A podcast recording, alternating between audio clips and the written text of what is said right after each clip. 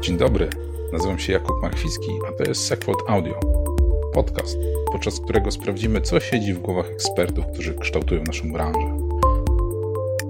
Niezależnie od tego, czy nazwiemy ich inżynierami, architektami, menadżerami, wiemy, że to nie chodzi o tytuł, chodzi o ich sposób myślenia, myślenia systemowego, myślenia krytycznego. Wspólnie włączymy to myślenie. Na podcast zaprasza Grzegorz Kotwis. Konsultant IT to temat dzisiejszej rozmowy, do której zaprosiliśmy Michała Bartzela. Michał zajmuje się przede wszystkim ułatwianiem współpracy na linii IT-biznes, uzwinnianiem organizacji, refaktoryzacją i efektywnością pracy. Jest autorem książek takich jak Oprogramowanie szyte na miarę czy Getting Things Programmed. Dziś usłyszycie, co oznacza słowo konsultant w obecnych realiach IT, jak pozyskiwać i utrzymywać klientów, co konsultant wnosi do projektów swoimi działaniami i co zrobić, aby miały one realny wpływ na zmianę projektu czy organizacji. Dodatkowo Michał mówi o początkach, o tym jak zacząć i jakie pułapki mogą spotkać początkującego konsultanta.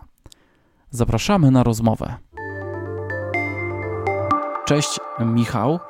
Cześć, cześć.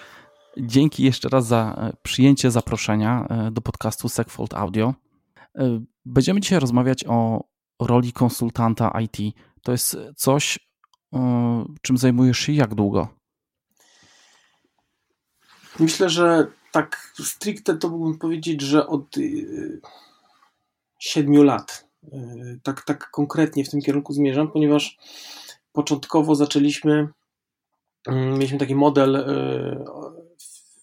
uruchomienia firmy szkoleniowo-doradczej i że budujemy markę na, na firmie, rozpoznawalność na firmie, na BNS IT. No w pewnym momencie zdecydowaliśmy się, że jednak to, co nam bardziej odpowiada, to budowanie właśnie swoich marek osobistych, e, czyli ja i mój wspólnik już działamy tam w różnych obszarach, obszarach na rynku e, i tam mniej więcej od 7-8 lat już działam jako, jako konsultant. Aha. Spodziewałem się odpowiedzi, że może powiesz od zawsze, ale.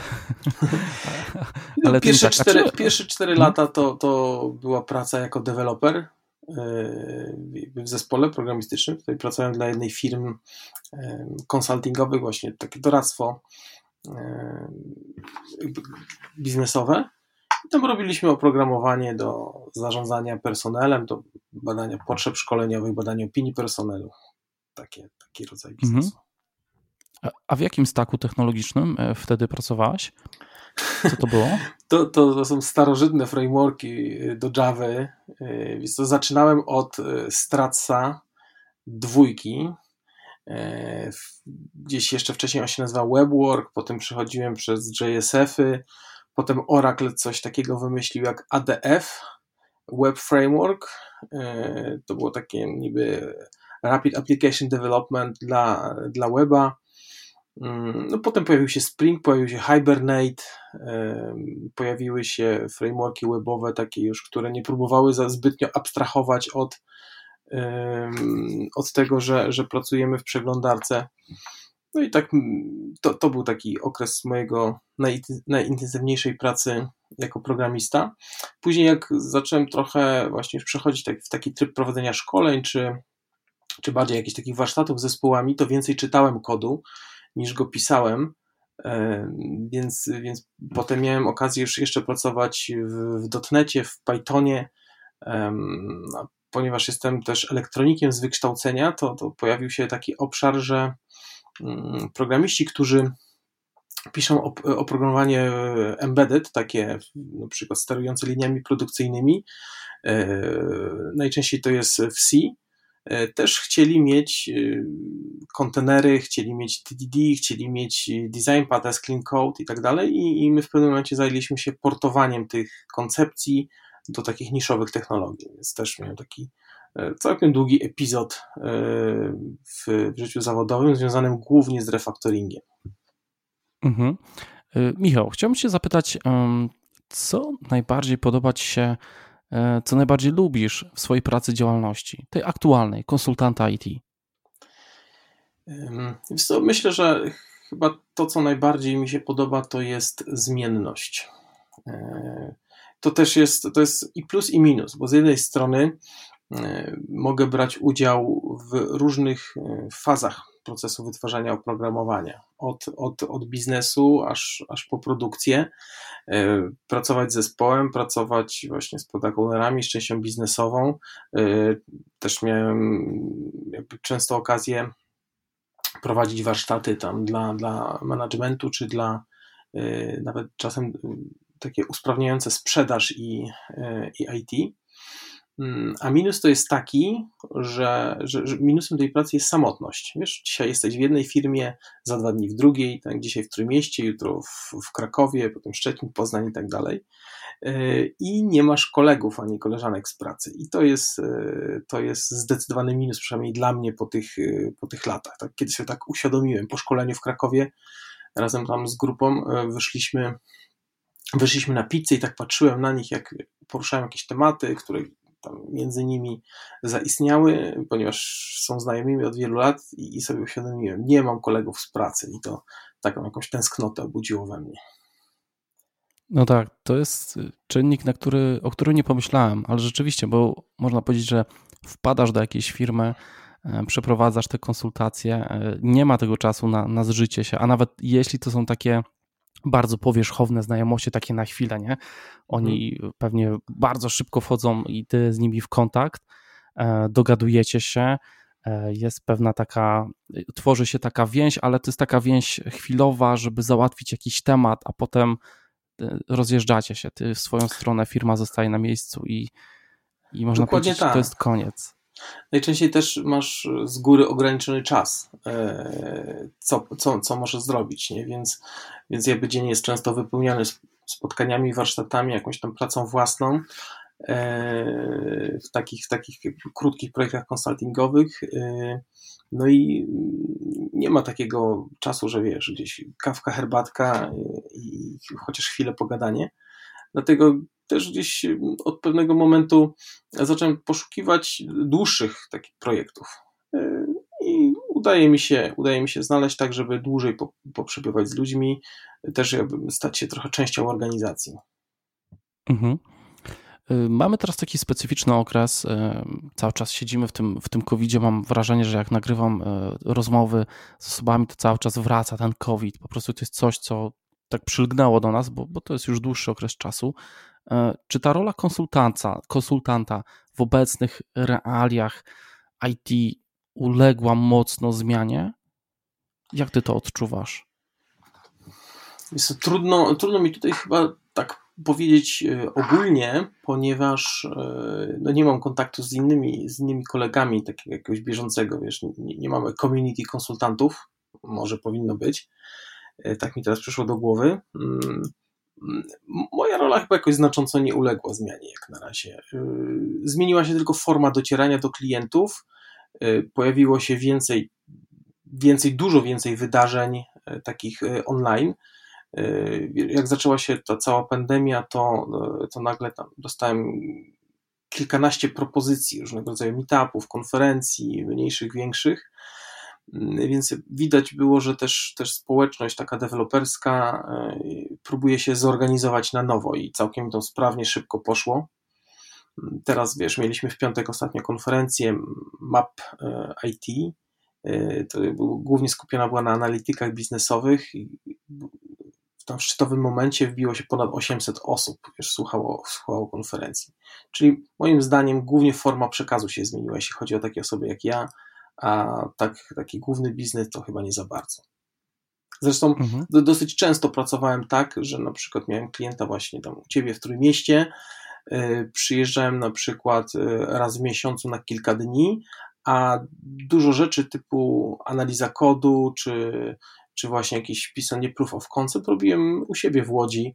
Dostawałem yy, VPN-a, dostawałem laptopa i, i pracowałem.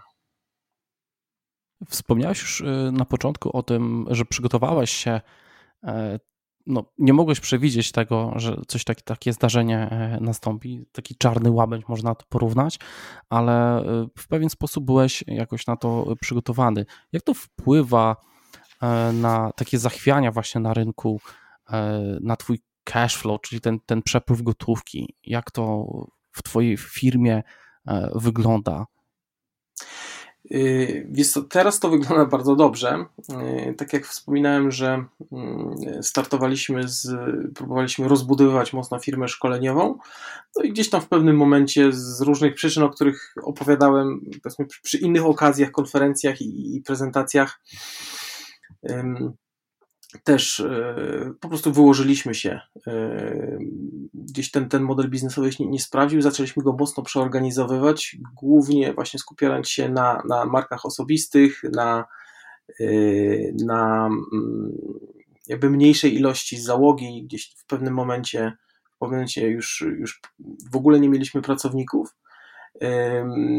I jakby po tej takiej reorganizacji, tak, czyli, czyli no, coś zaczęliśmy, to, to nie spełniało oczekiwań, więc zmieniliśmy to na troszeczkę inny model, no to działałeś całkiem nieźle, więc yy, ja od tamtego momentu, no to już nie pozwalam sobie na uszczuplenie poduszki, yy, więc kiedy pojawia się taki moment yy, i, masz, masz zapas gotówki wiesz, że na przykład możesz sobie pozwolić spokojnie przeczekać taki okres, no to no co, szukasz okazji, nie? Ustawiasz na Elixie, czy się zaczynają sprzedawać już luksusowe samochody, czy są jakieś sesje leasingu, tak trochę pół żartem, e, pół serio mówiąc, e, zaczynasz się rozglądać z jakimiś ciekawymi tutaj e, okazjami. No, w połowie marca mieliśmy bardzo interesującą sytuację na przykład na giełdzie polskiej. No pewnie też gdzieś tam się orientujesz no już może nie wymieniając nazw, ale bardzo ciekawe mhm. spółki, które potem powróciły Y, powróciły do, do poprzednich wycen, potraciły po 50%. Więc żeby musiały wró- wrócić do, do wyceny sprzed 50% y, przeceny, to muszą podrożyć ponownie o 100%. Nie? No i takie tak. sytuacje miały miejsce, więc, e, więc to były naprawdę niezwykłe okazje. Nie? Mhm. Ja tak y, nie jestem może jakimś wytrawnym graczem, mógłbym powiedzieć, że nawet w ogóle nie jestem. E, troszkę zacząłem się interesować właśnie niedawno tą giełdą, może w związku z COVID-em, bo rzeczywiście e, nadarzyła się taka okazja, bo, bo były duże spadki. E, Tesla na przykład mnie bardzo ciekawi jako, jako firma, to mój kolega z pracy tak jakby zaszczepił mnie w tą Teslę i tam rzeczywiście to było niesamowite, jak ona potrafiła spaść, teraz znowu jest mocno na górze Mhm. W ogóle nie rozumiem, co tam za bardzo się dzieje, czemu aż, aż tak ona wywindowała do góry po takim dużym spadku, ale to jest giełda. Nie wiem, no ja tego nie ogarniam. No, ludzie mają pewne nadzieje i oczekiwania, nie więc w, y, no znowu to pewnie musielibyśmy wejść w szczegóły, nie, że są e, spółki mhm. typu value i typu grow. No, i to są różne sposoby ich funkcjonowania, ale to myślę, że możemy słuchaczy do literatury odesłać już. Pewnie. Ale słuchaj, pociągnę temat. Czy mhm. E, to, e, że znasz rynek taki finansowy, właśnie giełdę, pomaga ci jakoś e, w, w pracy konsultanta? Ma to jakiś wpływ? Nie wiem, możesz coś przewidywać, możesz jakieś, wiesz, kroki Myślę... poczynić na tej podstawie? Wiesz, jest to w drugą stronę. Myślę, że to, że działam w branży IT, jakoś y, pozwala mi może trochę lepiej ocenić model biznesowy spółek technologicznych na przykład, nie? Czyli będących tam w indeksie WIGTech, czy, czy jakoś to nazywa. Yy, i rozumieć, jak to działa. Nie tylko patrzeć na wskaźniki, ale też y, patrzeć, kto używa danego produktu, przykład oferowanego przez, przez daną spółkę.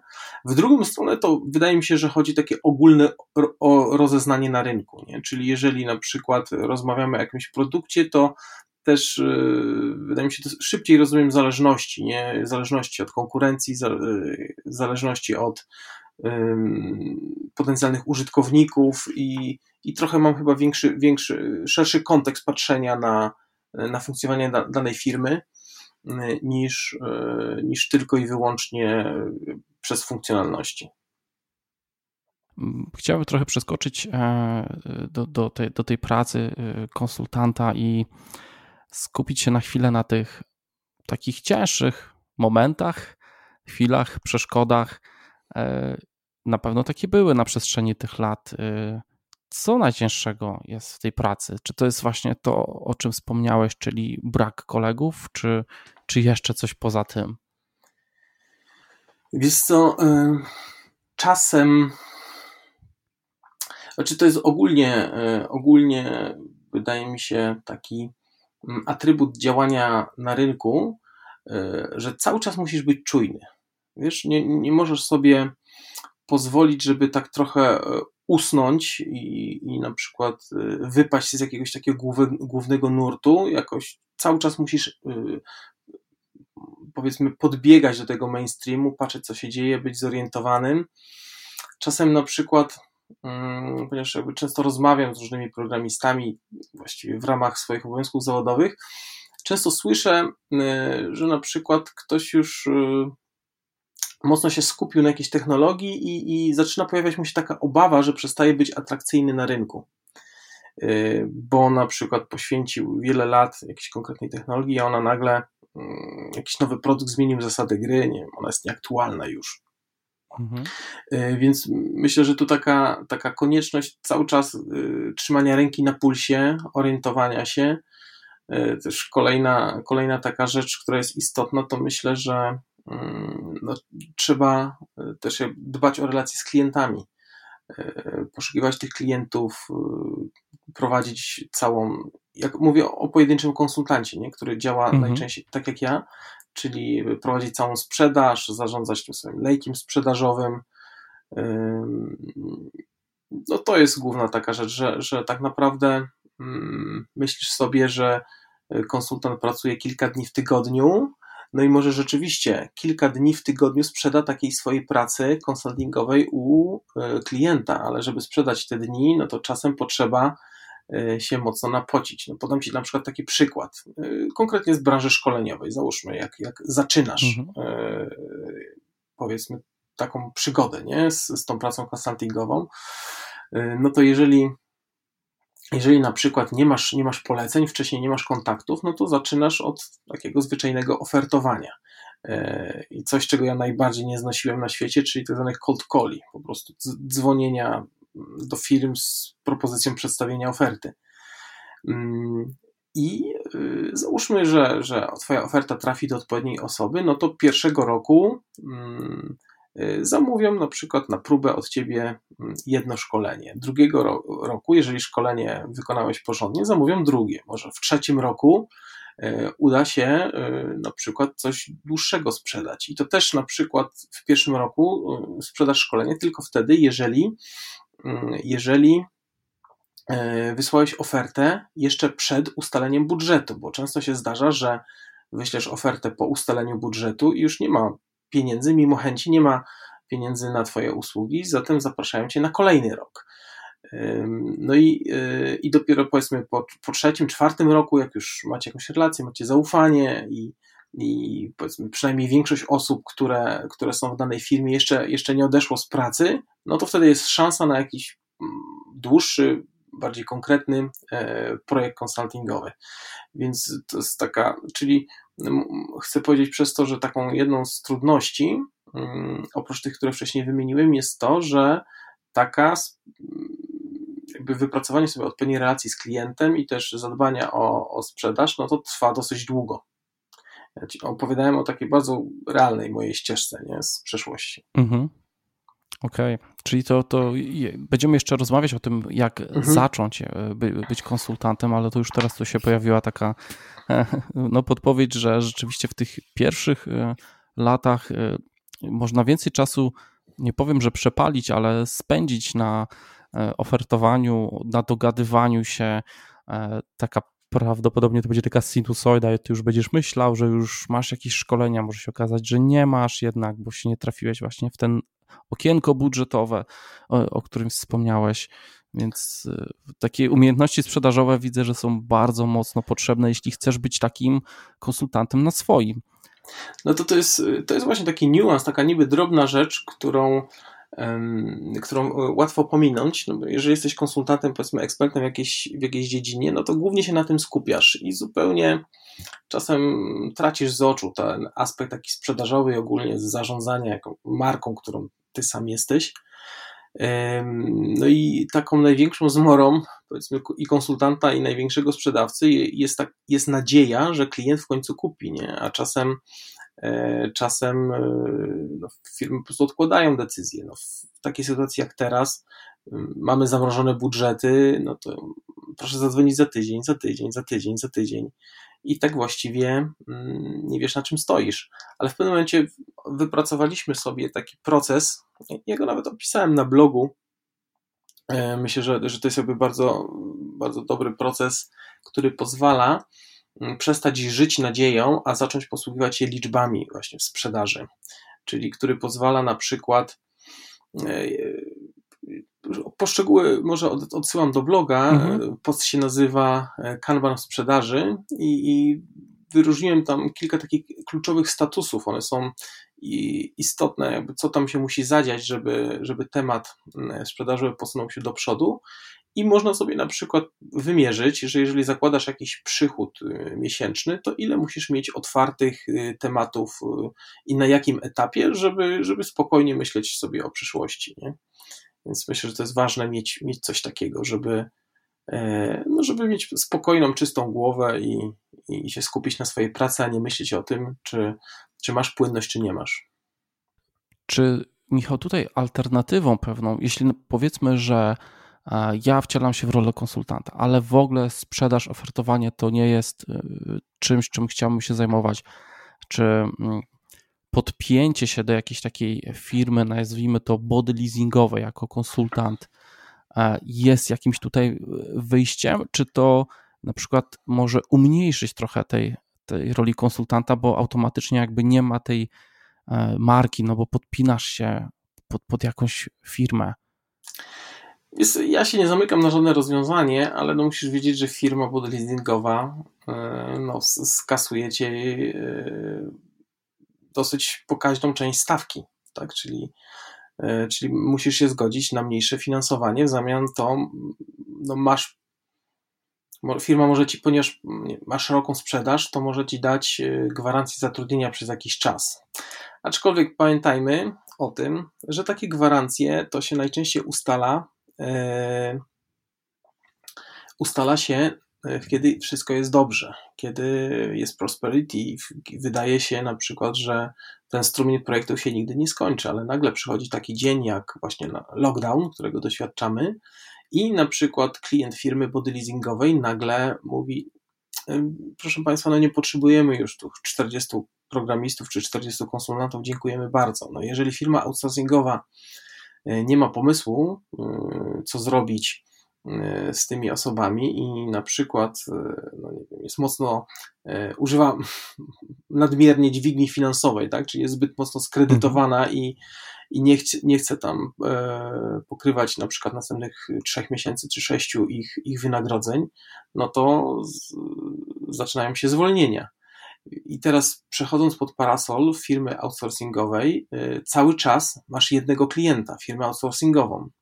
Natomiast działając bezpośrednio na rynku e, jako konsultant, to jest trudniejsze i dłużej trwa wypracowanie sobie, e, wypracowanie sobie relacji z klientami, ale masz wtedy klientów stu, a nie jednego. Nie? Bo ja w ogóle nie polecałbym, może za chwilę, czego bym nie polecał, to za chwilę dojdziemy, ale takie podsumowując ten, ten fragment, czyli nie zamykam się na żadne e, rozwiązania, ale trzeba wiedzieć, że czy etat, czy B2B przez firmę outsourcingową, e, czy, czy samodzielne działanie jako konsultant, to wszystko ma swoje plusy i minusy. No jeżeli akceptujesz, to ok. Jeżeli, jeżeli nie, no to, e, no to, no to, to, to, to też ok, tylko no musisz wziąć na klatę wszystkie konsekwencje swojego wyboru. Mhm. A to, czego bym nie polecał, moje, i to jest tylko moje zdanie, nie? Żeby, ja chciałem to podkreślić, że to jest tylko moje zdanie, ponieważ też w pewnym momencie zrobiłem taki krok, że z takiej bezpiecznej umowy, e, powiedzmy, e, prawie o pracę, tak, takiej bardzo skonstruowanej pod pracownika, przeszedłem na B2B. I wiele rzeczy mnie zaskoczyło wtedy. E, byłem jeszcze przed 30 i nie wiedziałem na przykład, że, że stanie się działalnością gospodarczą nagle sprawia, że jestem traktowany jako podmiot gospodarczy przez banki na przykład i przez najbliższe dwa lata nie mogę wziąć kredytu, nie? bo nie mam historii, nie mam wiarygodności. Poza tym mm, też y, działanie na B2B, mimo że możesz sobie wrzucić trochę rzeczy w koszty i może masz trochę wyższe wynagrodzenie, to jednak jesteś wyjęty z, y, z tego parasola ochronnego, jakim jest prawo pracy. I teraz w czasach prosperity konstruujemy umowy, które y, naśladują prawo pracy nie? i umawiamy się dżentelmeńsko, że będziemy tego przestrzegać. No ale jeżeli nagle zaczyna się właśnie taka niespodziewana sytuacja jak teraz, y, no to prawo pracy jednak zmusza do ochrony pracowników, a umowa B2B nie zmusza. No i być, być może jakby jeszcze nie doświadczamy takiej sytuacji w firmach, że jeszcze nie jest aż tak kryzysowo, ale gdyby było, no to jednak myślę, że zarządzający będą musieli podjąć te trudne decyzje i wtedy pracownicy są bardziej chronieni. I trzecia taka rzecz, która jest minusem, no bo tak, o B2B no musisz się zatroszczyć o wszystko, o, o, o swoje koszty, musisz zatroszczyć o, o, o księgowość. I to ma sens wtedy, kiedy Twoje przychody są nieregularne, ale w takim sensie, że y, w tym miesiącu zrobisz trochę mniej, a na przykład za trzy miesiące zrobisz dużo więcej. Czyli y, gdzieś tam średnio i tak zarobisz y, sporo. Natomiast kiedy masz regularną wypłatę, no ja bym, ja bym nie szedł w kierunku B2B. Tak podkreślam, mówię, mówię o sobie, bo ja zrobiłem ten skok i, i, jeżeli B2B tylko było zamiennikiem umowy o pracę, a cały czas moje wynagrodzenie było równomierne i cały czas zależało od tego, ile godzin wyrobię, no to, to, to nie ta idea moim zdaniem. Mhm. Nie opłaca się dla tych kilku złotych wrzucenia w koszty tam papieru do drukarki. No dokładnie, a to widzimy to po ogłoszeniach o pracę, szczególnie u programistów, że to jest taki to jest, no można powiedzieć, no zamiennik, no jeden do jednego etat w B2B, żeby po prostu większa kasa szła. Mi się to w ogóle jakby, no nie powiem, że nie podoba, nie spina, bo też B2B bardziej bym postrzegał, ja tak postrzegam, chciałbym mieć większą elastyczność, e, swobodę, żeby to nie wyglądało jak taki etat, że ja codziennie wstaję, robię 8 godzin e, dla jednej firmy i tej samej dalej prowadzę ten projekt, nie? Żeby tu była jakaś elastyczność. E, tak, tak to widzę, a jeszcze o tej takiej odpowiedzialności, że przechodząc na B2B, trochę odeszliśmy od konsultanta, ale to mocno się łączy, mhm. E, to mam takie jakby zobrazowanie, że postaw się w sytuacji, kiedy ty jesteś w pracy i jest ten twój szef, prezes zarządu, że idąc na B2B po prostu ty wskakujesz tam na tą górę, oczywiście nie ma tych pracowników jeszcze na dole, ale postaw się w roli tego szefa, ile on na co dzień rzeczy tak naprawdę ogarnia i musi myśleć, i teraz po prostu ty tam jesteś. Tylko, że jeszcze nie masz ludzi pod sobą, ale jesteś takim prezesem sam dla siebie. I, no, i sporo rzeczy wchodzi ci na głowę i o sporo rzeczach musisz myśleć.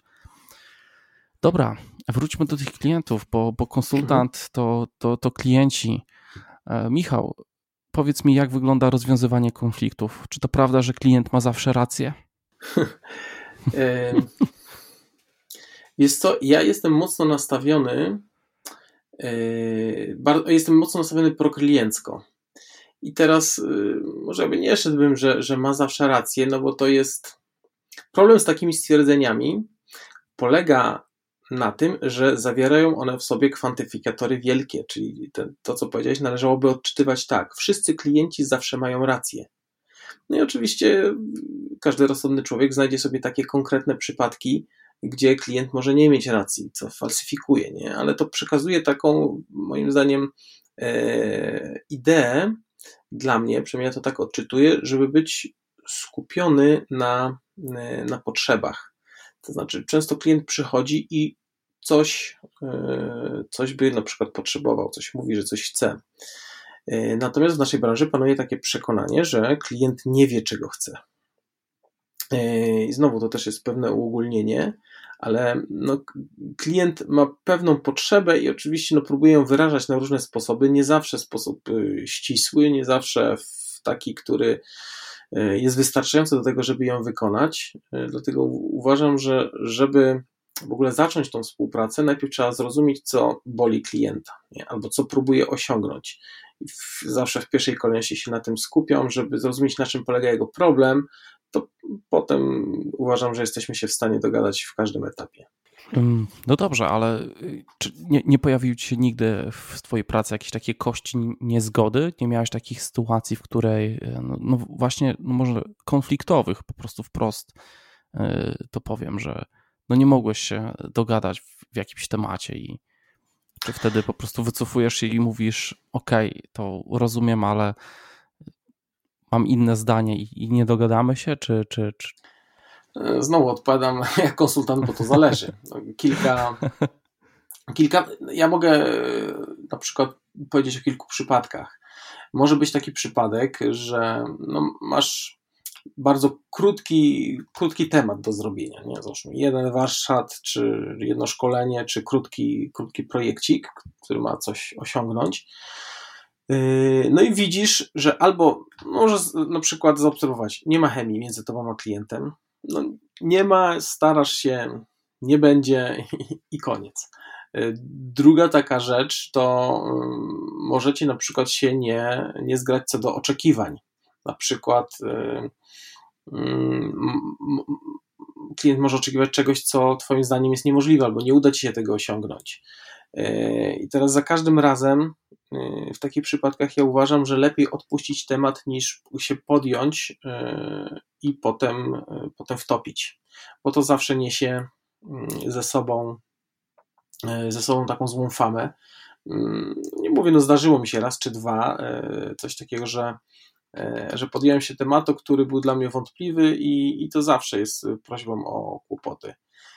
A inny przypadek jest na przykład taki, że Mm, mm, jesteś już w jakimś projekcie, który będzie trwał na przykład dwa lata i wydarza się sytuacja konfliktowa, y, no to wtedy trzeba tym jakoś zarządzić. Nie? Jest to jakiś element, y, element ryzyka, że takie rzeczy wystąpią. Y, I teraz znowu, podpunkt A. Jeżeli nawet jest bardzo duża sytuacja konfliktowa, nie?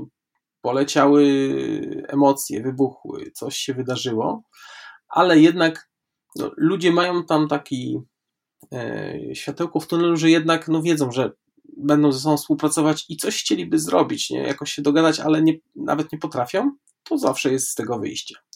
Mm, tak według mojego doświadczenia zawsze coś tutaj można zrobić, poprosić nawet kogoś o pomoc, jakąś mediację, czy, czy, e, czy samemu poszukać rozwiązania i, i zawsze się może, można tutaj dogadać. Ale są też takie sytuacje, kiedy, e, klient wyklucza współpracę konkretnie z tobą, nie? I z tobą personalnie, bo, bo nie, bo nie, nie? Z jakiegoś powodu. E, no to wtedy no już nic nie zrobisz. No, dziękujesz i, i klient sobie wybiera e, innego, innego konsultanta. Mhm. Nasunęło mi się jeszcze jedno pytanie. Czy w jaki sposób sprawdzasz, monitorujesz, czy ta wiedza, ten, ten, ta konsultacja, ten wynik E, został przez firmę wdrożony, przyjęty, czy na przykład jak wiesz, wrócisz za rok, to widzisz, że owoc tej twojej pracy tam kwitnie, albo czy miałeś z drugiej strony właśnie przypadki, że byłeś rok temu w firmie, przeprowadzałeś konsultacje, wracasz po roku, a i w ogóle nic nie zostało wykonane z tego, e, co im przekazałeś. E, miałem wielokrotnie, nie? że miałem wrażenie, że prowadzę to samo szkolenie dla tych samych ludzi i jakoś yy, czy, czy na przykład jakieś, mm, jakieś przedsięwzięcie takie powiedzmy krótsze, kilkutygodniowe i nic to nie zmieniło, no bo klient może sobie nie życzyć na przykład Twojej obecności już po, po kontrakcie. Mhm.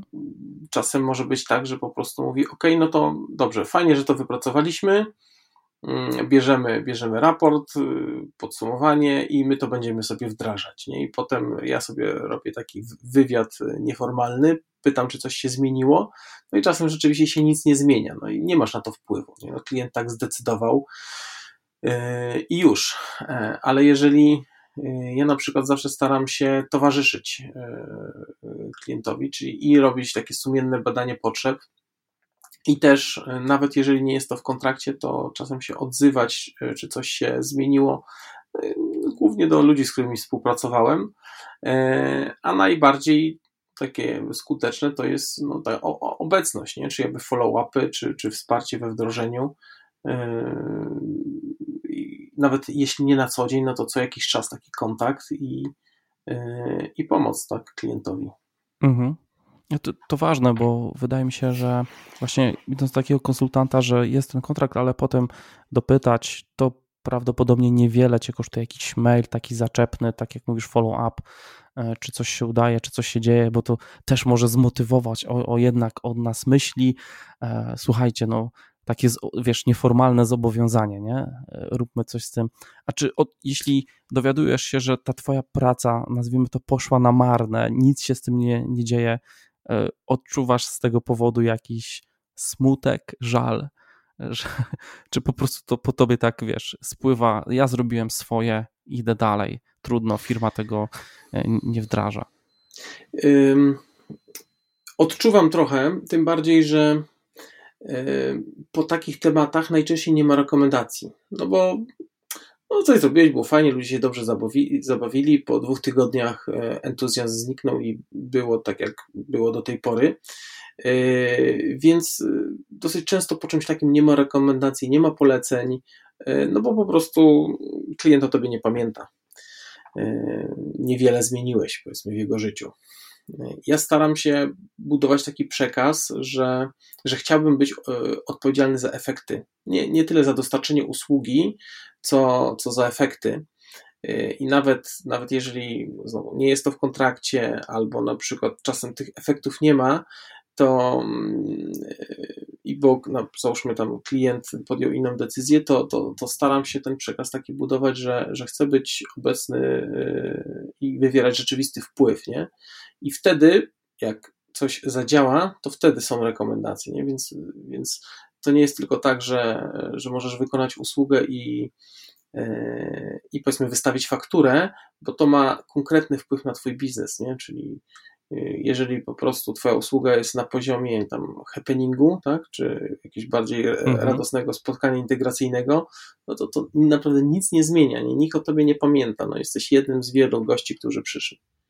Prawdopodobnie też są takie sytuacje, że może wyczuwasz to nawet w zapytaniach ofertowych, że firma po prostu ma kasę i trzeba ją wydać i zgłaszają się do kogoś, no dobra, no to już od biedy z, zróbmy jakieś konsultacje czy coś, no bo y, mamy tutaj przewidziane, nie wiem, jakąś pulę pieniędzy.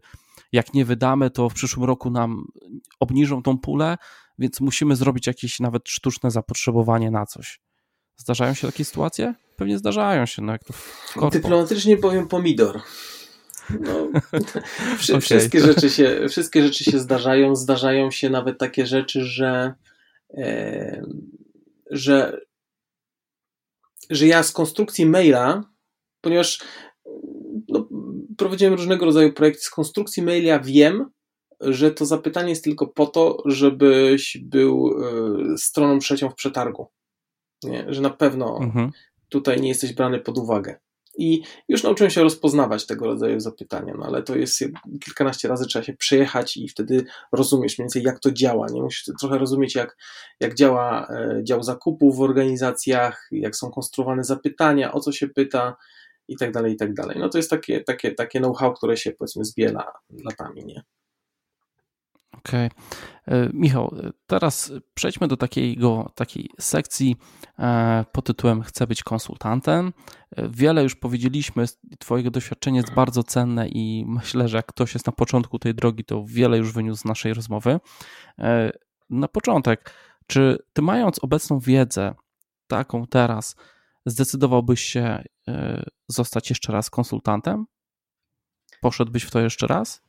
Yy, to znaczy tak, jeśli na osi czasu stawiam się dzisiaj, to jak najbardziej wszystkimi kończynami. Yy, gdybym, no, gdyby ktoś mi wlał tą wiedzę yy, te 11 lat temu, kiedy w ogóle zakładaliśmy firmy, to myślę, że bym się mocno wystraszył. Po pierwsze, po pierwsze, nie przypuszczałem, że tak długo to zajmie. Czyli zbudowanie sobie jakiejś takiej stabilności, a po drugie, ja wybrałem taką drogę, my ze wspólnikiem wybraliśmy taką drogę, że skoczyliśmy na głęboką wodę. To znaczy, mm, no bez większego, powiedzmy sobie szczerze, przygotowania biznesowego, po prostu zwolniliśmy się z pracy i założyliśmy firmę. E, to chyba jednak nie była najlepsza decyzja. Wolałbym to robić bardziej organicznie. E, wspominałem tutaj o, o budowaniu takich kompetencji sprzedażowych, czyli te, te cold call, ofertowanie. Mm, ale w pewnym momencie dosyć szybko postawiliśmy na marketing merytoryczny, czyli e, najpierw, co właściwie wiesz, przez wiele lat pisałem artykuły, najpierw do magazynu e, Software Developers Journal, e, taki był, Był, potem o, magazyn Programista, InfoQ, potem gdzieś w międzyczasie mój blog, potem pojawiło się kilka książek, które napisałem. E, I, i w, w, tym kierunku przede wszystkim starałem się inwestować, tak, ponieważ nie lubiłem działań stricte sprzedażowych, bardzo tego nie lubiłem. Mhm. Szukałem za, zastępnika, no i to oczywiście zajęło dłużej, ale udało mi się, mm, udało mi się odwrócić y, taki inversion of control, powiedzmy, zrobić, że najczęściej dostaję zapytania od klientów niż ja wysyłam y, y, oferty. Nie? Po prostu z polecenia, czy, czy na przykład z artykułów na blogu, czy z jakichś mm, konferencji, gdzie ktoś mnie widział, tam nawiązuję najczęściej kontakty. I to mhm. jest moim zdaniem jeden z większych moich sukcesów, czyli odwrócenie e, tutaj kierunku maili, nie? czyli kto, kto rozpoczyna interakcję, czy ty, okay. czy klient. Czyli jednak skupienie się na budowanie tej, tej, nazwijmy to, tej marki, tego konsultanta, czyli poprzez ten e, marketing e, wartościowy, tak to nazywasz? My, no, ja to, merytoryczny, no tak, wartościowy. Meryto, merytoryczny, bo ja tak mówię, content marketing, niektórzy Aha. na to mówią, ale merytoryczny brzmi lepiej w tym przypadku, według mnie. Tak, myślę, że, że twoja marka osobista jako konsultanta no to jest taka najwartościowsza rzecz, którą masz. I teraz Wiesz co, mogę jeszcze, skoro mówimy o, po, o początkach, to, to pokusiłbym się o taką jedną małą poradę dla koleżanków, koleżanek czy kolegów, którzy być może będą chcieli wejść na tą drogę, żeby, żeby każdy pamiętał, że umowy się podpisuje, umowy są ważne, e, ale tak naprawdę e, ostateczną walutą która, która jest na rynku w tym biznesie, to jest e, to nazwą lojalność. Nie? E, mhm. Każda, każda umowa może być ograna przez prawnika, nie? Z, z każdej można się wysmyknąć, ale taki, jeżeli, jeżeli na przykład klient zobaczy, że działasz nielojalnie wobec, wobec niego, to to przekreśla i relacje z klientem, przekreśla współpracę z innymi klientami, to, to się ciągnie za człowiekiem bardzo długo. Dlatego myślę, że e, jeżeli wchodzisz w jakąś dłuższą relację z klientem, to warto być względem niego lojalnym, nie? że to jest, to jest ważniejsze niż nawet suma kontraktu. To działa długoterminowo. Mhm. Czyli to jest jeden z lepszych sposobów na, na utrzymanie klienta po prostu przy sobie, żeby nie poszedł do kogoś albo żeby nie rozpuścił właśnie złych informacji o tobie. No myślę, już nawet bym tego tak nie ujmował, że to jakaś konkretna, konkretna korzyść, ale że, że, że jakby na lojalności, jakby, wydaje mi się, buduje się trwalszą relację niż tylko na takich ja usługa, a ty mi, a ty mi pieniądze. Nie? Że to, że, mhm. y, że pod tym, y, że wykonywanie usługi to jest ważne, ale pod tym się kryje coś więcej, nie? Cała złożoność takich relacji społecznych i, i trzeba o to dbać, że to, że to nie jest tylko y, właśnie wymiana gotówkowa, ale w relacji z klientem jest coś więcej nie? i trzeba na to zwracać uwagę. Michał, a jeśli powiedzmy, mm, chciałbym wejść w to, bo, bo czuję, że na przykład jestem dobrym materiałem na konsultanta, bo lubię rozmawiać mm, z ludźmi, lubię pomagać firmom i tak dalej, mam jakąś wiedzę, to właśnie o tą wiedzę chciałem zapytać, bo mm, jak, jak wejść, bo można powiedzieć, o dobra, będę konsultantem. No dobra, ale z czego będę przeprowadzał konsultację? Czyli tu musi być jakaś, jakaś treść, e, jakaś wiedza, coś do przekazania, tak? No bez tak tego z... chyba ani rusz. Tak, tak zwany y, unique selling point, tak, czyli co unikalnego oferujesz.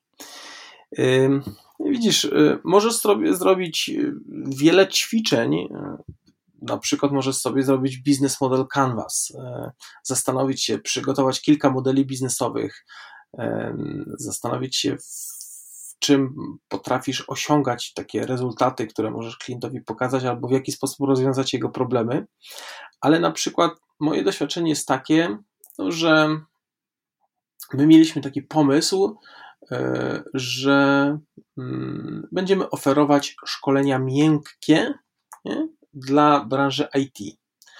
No i jak zaczęliśmy oferować te szkolenia miękkie, no to no, nie było zbyt dużego zainteresowania. Jeszcze wtedy, to był 2008 rok, o Agile'u nie było aż tak głośno. Pojechaliśmy, pamiętam, kiedyś do jednego klienta, no i mówimy, no my robimy takie miękkie szkolenie dla IT, a klient mówi, o nie, nie, to nas nie interesuje, u nas to yy, dział HR się tym zajmuje. No to pojechaliśmy do drugiego klienta i tak już mieliśmy nauczkę, no i klient pyta, e, no a co wy robicie? No to my mówimy, robimy algorytmy dogadywania się. A klient mówi, to coś, coś ciekawego, nie? Mm -hmm. czyli czyli e, staraliśmy się ująć właśnie ten unique selling point, że, że to nie jest takie miękkie szkolenie z przytulaniem drzew, z szukaniem wewnętrznego dziecka, takie jak, jak, jak się klasycznie myśli, tylko że to jest trochę coś innego. I to jest jakby pierwsza rzecz, czyli, czyli znaleźć unikalną rzecz, którą możesz zaoferować klientowi. A druga rzecz to tak naprawdę większość najlepszych materiałów, które ja posiadam, większość, właściwie wszystkie książki, które napisałem, wszystkie najlepsze, najlepiej sprzedające się usługi to wymyślili klienci. Wymyślili, stawiając pewne problemy, z którymi ja się wcześniej nie spotkałem, albo e, stawiając mnie w sytuacjach, które, które wymagały e, jakiegoś innego podejścia do sytuacji. Zatem wydaje mi się, że nawet jak masz jakiś pomysł, to i tak wiedz, że on się w pewnym momencie zmieni, ponieważ rynek cię zweryfikuje. Nie? Klienci mhm. mogą ci powiedzieć, że chcieliby czegoś innego i jak najbardziej to coś innego może stać się częścią twojej oferty, która będzie wtedy bardzo unikalna. Okej. Okay. Czyli takie, można powiedzieć, aktywne y, słuchanie klienta i jego potrzeb.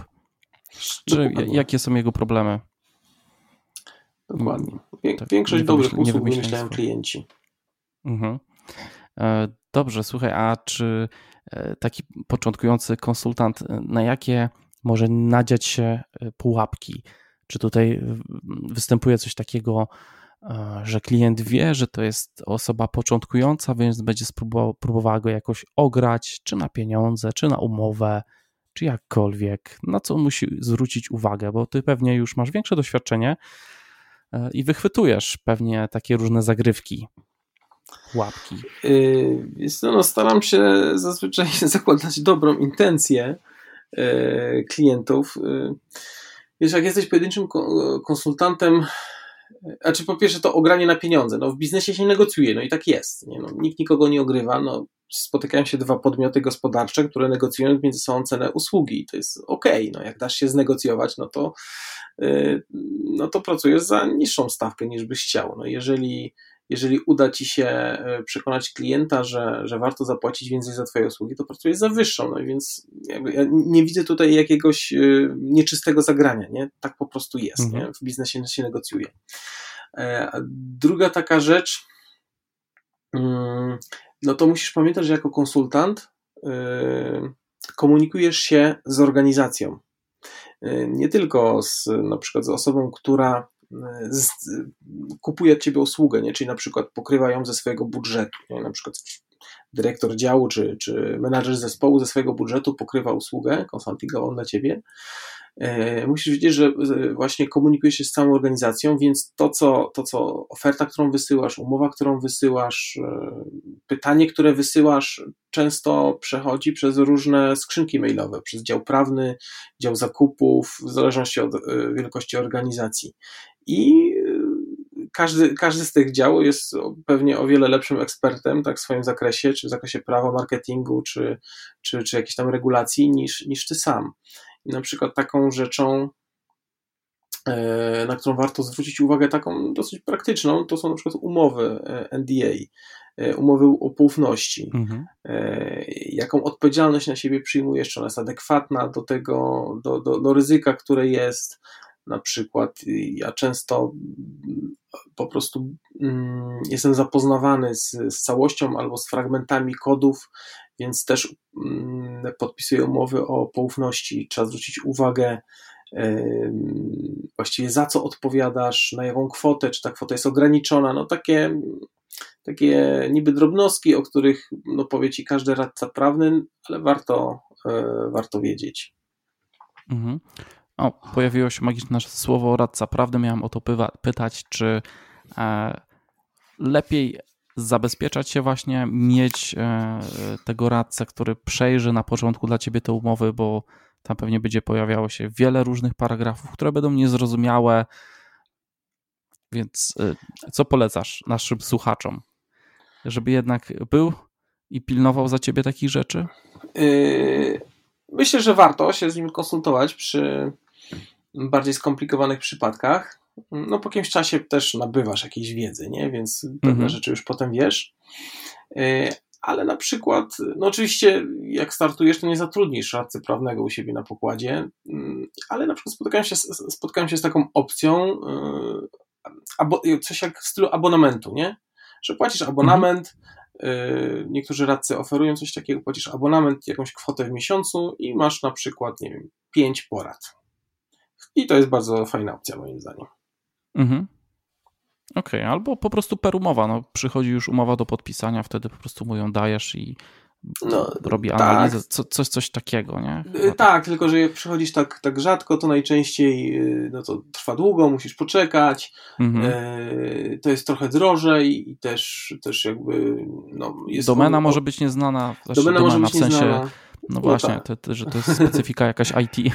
Dokładnie, albo też na przykład może nie mieć dla ciebie tyle czasu, no bo jak tam przeczytasz jakąś opinię prawną, no to chciałbyś potem zadzwonić i zadać pytanie. Płacisz mhm. abonament, no to wiadomo, nie? ile możesz pytań zadać, ile możesz e, dostać opinii. To jest bardzo fajne. E, Michał, czy poleciłbyś naszym słuchaczom jakieś materiały, książki? E, na pewno Twój blog, tam jest na pewno wiele wartościowych postów związanych z pracą konsultanta, z pracą z klientem, ale czy coś jeszcze poza tym?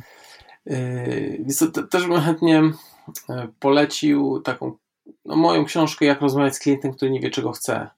Mhm. Myślę, że no ja tam napisałem o rzeczach, które są ważne dla mnie, nie? Które, które mi rzeczywiście pomogły, które sam wypracowałem, nawet jeżeli niektóre z nich są znane, to gdzieś tam sam do nich doszedłem i, i ona tak, y, sam proces pisania jej mi uporządkował myślenie właśnie o, e, o pracy konsultingowej. Wiesz co, niewiele jest takich literatury. Ja spotkałem jedną taką książkę, ktoś mi kiedyś polecił, nazywa się The Prosperous Coach. Co prawda, no, trzeba tak w nawias wziąć, y, że ona jest trochę o innej branży.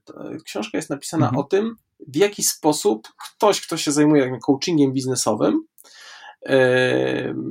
w jaki sposób organizuje sobie w ogóle pracę klientów, jak, jak działa, jak, jak dba o swój, o swój biznes.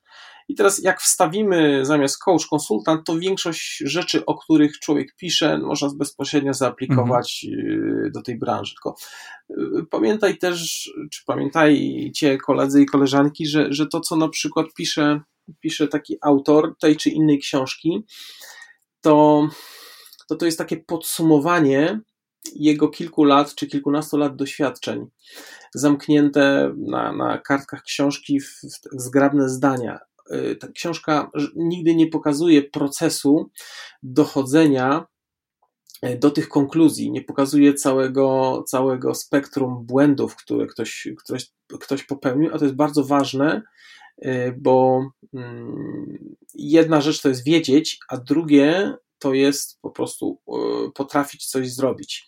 Dopóki ci dana umiejętność, tak można powiedzieć, nie przejdzie przez mięśnie, nie zrobisz tego, nie, nie, nie, nie przewrócisz się e, na jakimś swoim błędnym mniemaniu, to po prostu nie rozumiesz, o co tam chodzi.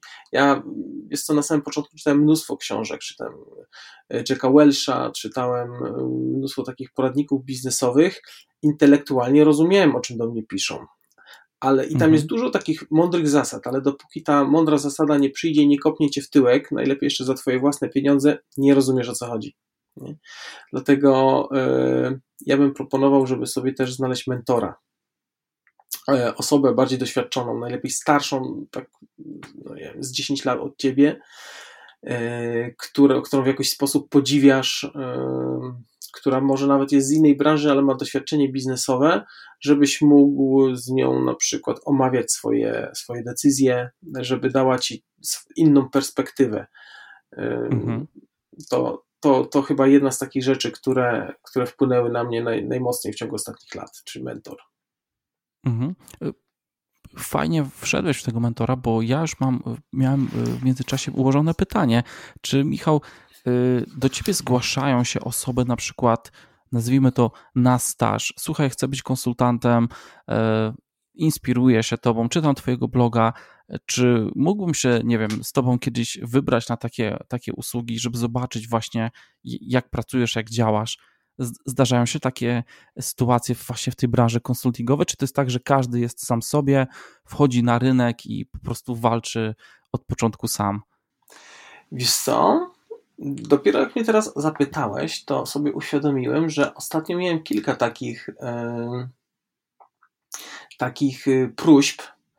Yy, mhm niestety odmawiałem trochę, trochę tak jakby z przyczyn niezależnych. Y, po prostu y, samo przebrnięcie przez formalizmy, żeby wejść do klienta z dodatkową osobą, to, to jest jakby coś, na co ja nie lubię poświęcać czasu, ale może mhm. rzeczywiście to mogło być bardzo rozwojowe dla mnie. Jeszcze raz odezwać się do tych osób, więc, więc dziękuję Ci za to pytanie. ale też na przykład ostatnio brałem udział w takim programie mentoringowym, zapomniałem, e, Tech Leaders chyba się to firma nazywała, e,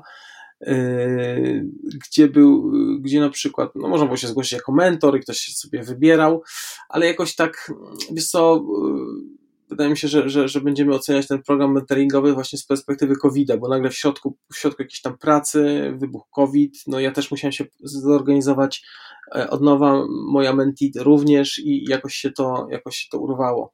Tym bardziej wydaje mi się, że w mentoringu ważna jest, ważna jest ta e, relacja pomiędzy mentorem i mentee. Tak. E, dla mnie jakiś taki element podziwu w stosunku do mojego mentora, czy, czy jakby, że ja cenię jego doświadczenie, a, a w, w, takim jakby programie z, z pudełka trudno jest to wypracować. Nie? Mhm. Ale na pewno warto, warto, warto znaleźć mentora. To jest bardzo, e, wydaje mi się, ważna rzecz. Żeby nie była tylko inspiracja taka sucha, ale żeby było to działanie właśnie e, z mentorem, żeby to przekuwać w coś. Dokładnie. Michał, na koniec naszej rozmowy takie ostatnie pytanie ode mnie. Jakie wyzwania czekają na ciebie w nadchodzących tygodniach, miesiącu, miesiącach? No, to będzie taki element, wiesz, moich planów biznesowych. Mhm. No nie wiem, czy może zdradzić, ale może tak trochę. Wiesz co? Tak, mogę. E, chciałbym troszeczkę, bo, bo teraz wiesz, moja praca jest głównie zależna ode mnie. E, to znaczy, świadczę usługi swoją obecnością. Chciałbym trochę uniezależnić mój biznes ode mnie samego. Y, rozważam różne kierunki. Może, może produkt jakiś y, wypuszczę, myślę nad tym. Może na przykład spróbuję sił w innym biznesie, zupełnie niezwiązanym z IT, gdzieś, gdzieś częściowo. Mm, teraz jest, nadarza się taka super okazja, ponieważ nie wiem, czy wiesz, mam trójkę dzieci i, i najmłodszy mój syn od września idzie do przedszkola Moja żona do tej pory była e, skupiona na, na dzieciach, na domu, ale wcześniej, przed, zanim, zanim pojawiły się dzieci, e, pracowaliśmy razem. Może, może wrócimy do tego pomysłu, może znowu będziemy razem pracować. E, to, to pamiętam, bardzo dobrze to wspominam, bo jest bardzo sumienna, zorganizowana. Lepiej ode mnie zdecydowanie, więc, więc dlaczego nie? No, więc widzisz, du, dużo jakichś tam jest pomysłów. Mhm w coś się na pewno nowego zaangażuję, myślę, w najbliższej przyszłości. Okej, okay. oby nic po prostu nie zakłóciło już nam e, e, ty, tych, tych pomysłów, żeby po prostu one się spełniały, przekuwały się e, w coś e, realnego. E, Michał, dziękuję Ci bardzo za, za to spotkanie, za tą rozmowę. Bardzo wiele tutaj cennych informacji padło w zakresie bycia konsultantem IT, jak zacząć, jakie są pułapki, jak wygląda właśnie Twoja perspektywa po tych kilku e, latach bycia konsultantem, więc bardzo myślę cenna wiedza, wiele mądrości dla naszych słuchaczy. Dziękuję również. Dzisiaj bardzo. się tutaj e, pojawiło. To był odcinek Konsultant, Konsultant IT. Moim gościem był Michał Bartyzel. Do usłyszenia. Cześć. Cześć.